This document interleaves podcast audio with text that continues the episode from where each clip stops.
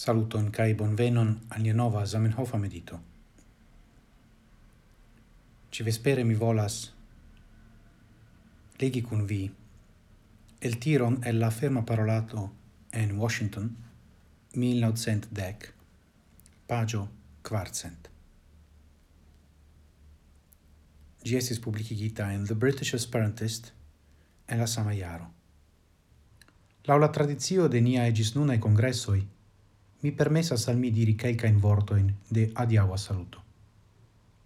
Mi volas diri calcain vortoin pri la semaino, cium mi jus travivis.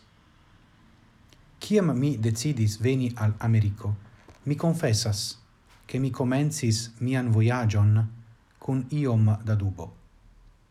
Shainis al mi che usono estas ancora utro iuna enia movado por fari congresson, Oni devis tamen subteni niain usonain amicoin, cae ciam mi venis, mi vidis cun gioio che miei duboi estis vanai.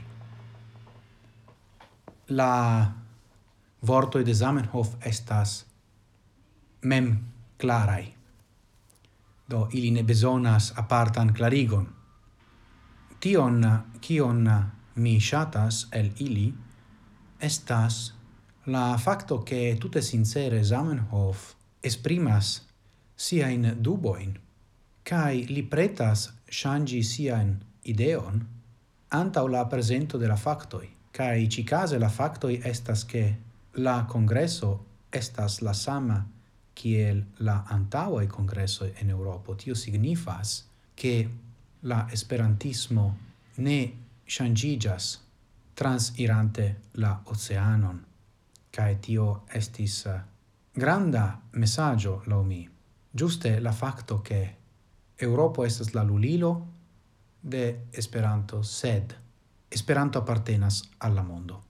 Sed estas ja interesse che Zamenhof dum momento dubis pri tio. Cae do ni curage acceptu niain duboin, cae testu ilin contra la empiriai datumoi ciui povas shangi niain ideoin por esti ec pli consciai pri la gravai aferoi de la vivo. Coran dancon pro via attento, gis morgau, cae ciel ciam, antauen, sen fine.